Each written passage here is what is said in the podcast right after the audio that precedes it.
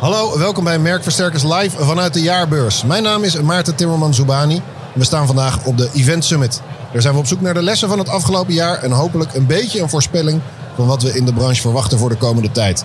Deze podcast wordt geproduceerd door Flyer Alarm en dat is een van de grootste online drukkerijen van Europa. Met meer dan 3 miljoen producten in print, reclametechniek, relatiegeschenken en kleding. Ongetwijfeld een interessante partner voor iedereen die wel eens een event organiseert. Tegenover mij zit Rico. Yes. Hallo, welkom. Hallo. Hoe gaat het met je vandaag? Ja, gaat fantastisch. Hoe lang ben je op de beurs nu? Ik uh, was om tien uur was ik hier. Ik mocht tussen tien en elf naar binnen en ik was hier stipt om tien uur volgens Stipt mij op de om 10 parkeerplaats. Ja, Een van de eerste. Eén van de eerste. Bizar. Want je bent van plan hier de hele dag te blijven hangen? Nou, ik, eh, ik moet om een uur of twee moet ik weg, want dan moet ik zelf eh, weer aan het werk. Ehm, en dan eh, dus tot twee uur ongeveer. Dus eh, ja, de, Mooi, die mooi tijd hang ik om een beetje rond. iedereen wel even te zien. Ja, precies. Ja. Kom je ergens specifiek voor?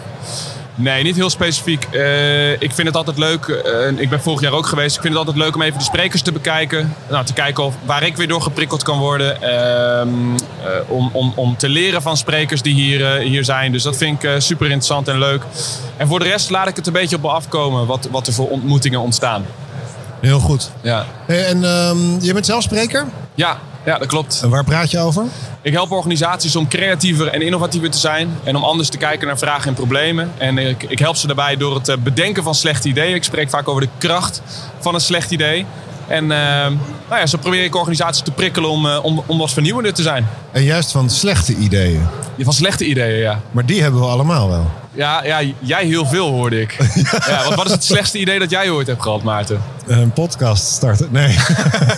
nee, nou ja, kijk, dus eh, de podcast in zoverre, dat was geen slecht idee. Maar het, komt wel, eh, het bleek een succes te worden en eh, daarmee werd het heel veel werk. Ja, Wat niet per se in lijn ligt van wat we met Flyer Alarm doen. Maar Ja. waar we wel gewoon heel veel klanten kunnen spreken. Dus in zoverre, ja, ik snap de, de link van een slecht idee naar... ja, de- ik noem altijd een beetje de uitvinding van champagne. We hadden iets in de hoek staan, dat borrelde en toen ploep. ja. Toen hadden we iets lekkers. Ja, ja, ja. En er kunnen natuurlijk altijd weer mensen zijn die het misschien een slecht idee zouden vinden. En nou, eh, als je kijkt naar podcast maken. Ik, ik heb natuurlijk ook mijn podcast. En eh, nou, er zijn ook momenten dat ik wel echt denk: wat was dit een slecht. sle- als ik bijvoorbeeld weer met mijn socials bezig ben of dat soort zaken. Nou ja, goed. Ja, als je snippets eruit moet halen en het allemaal Ja. aan de man moet brengen. Want uiteindelijk is het wel gewoon weer een, eh, een vakgebied. Maar een, een slecht idee voor ons.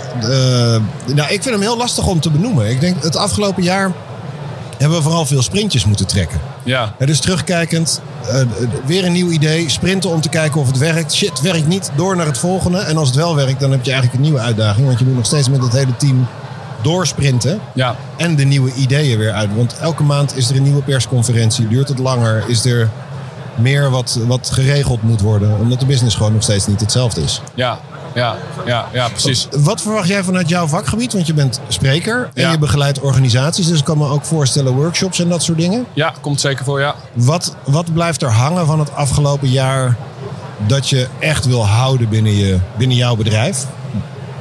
Ehm, bedoel je dan op gebied van de, van de crisis? Zeg maar wat, de- of, Nou ja, kijk, vroeger, eh, een jaar geleden stond je op eh, podia met Ja. volle zalen en had je workshops met mensen in een vergaderzaal en dat soort dingen. Dat Ja. is het afgelopen jaar natuurlijk dan anders geweest. ja, Nou, volgen we elkaar een beetje, dus ik weet dat je ook online heel veel hebt uitgespookt. ja, ja. Maar wat is er dan wat je het afgelopen jaar hebt moeten opstarten? Nou, het, het, is wel, eh, ja, het, is, het is wel de les eigenlijk die ik zelf verkoop, die zichzelf weer heeft bevestigd. Want eh, ja, ik, eh, bij wijze van spreken, eh 100 jaar geleden, als ik jou eens een iPhone had laten zien, eh, dan kon je ook niet geloven dat je draadloos kon bellen en wat daar allemaal nu mee mogelijk is. Dan was het ook een idioot, absurd idee geweest. Nou, als je mij twee jaar geleden had verteld, ik ga workshops online geven, ik heb daar ooit wel eens over nagedacht. Ja, ik had daar wel eens over nagedacht. Van, kan je iets online doen? Maar ik dacht, nee, dat is toch drama. Dat, dat moet je niet willen. Maar nu we er toe geforceerd werden, ehm, eh, heb ik wel echt een enorme uitdaging gehad. En ook wat ik een hele leuke uitdaging ben gaan vinden. Van hoe kun je nou een workshop of een lezing of een presentatie of wat dan ook online. Hoe kun je dat nou ontzettend gaaf maken? Hoe kun je ervoor zorgen dat je dan toch emotie hebt? Dat je dan toch verbinding voelt? En, en, en ja, dat, ja, ja, dat vond ik wel echt heel erg gaaf. En als je mag kiezen, blijft het dan in jouw portfolio? Ja, dat, dat, dat kan ik nu wel zeggen. Ik zou het eh, wel willen blijven doen. Ik zou daar echt wel voor openstaan. Maar als je mij zou vragen voor ieder event, ongeacht reistijd, mag het live of online, dan zou ik denk ik nog wel steeds voor live kiezen. En kies je dan voor live omdat het voor jou het lekkerste werkt? Of omdat, je, omdat het het meeste effect heeft bij de groep waar je mee, mee zit? Misschien wel beide. Ik denk beide. Ja, ja eh, ik denk beide omdat... eh, nou, ik merk online kun je, echt, eh, kun je echt hele goede sessies hebben. Ook heel effectief. Maar het is gewoon net even wat minder zorg voor mijn gevoel. Als ik er gewoon sta en ik heb gewoon bij wijze van spreken een whiteboard of een, een, een flip over. In plaats van allerlei tools en technieken waar je van afhankelijk bent. Camera's, regie. Ehm, eh, dus het- er komt vaak wel wat meer bij kijken bij online. Want het is gewoon even net wat, eh, wat lastiger. Dus je, je, ja, je hebt meer nodig voor mijn Je- gevoel. ja, snap ik. Meer aan regie die je ook nog eens zelf moet doen eh, in, in veel gevallen. Ja, Dus het ja. leidt jou af van je core product en dat is praten.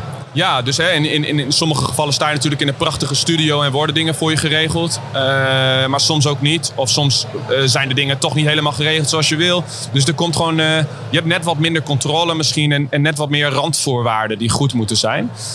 Dus het kan heel goed, maar er komt gewoon wat meer bij kijken. Ik snap je helemaal. Ja. Dan laten we de momenten niet laten schieten. Want uiteindelijk de bezoekers van deze beurs gaan luisteren naar deze podcast. Als het goed is. Eh, nou heb ik je voornaam genoemd. Maar waar kunnen mensen jou bereiken als ze willen praten over slechte ideeën?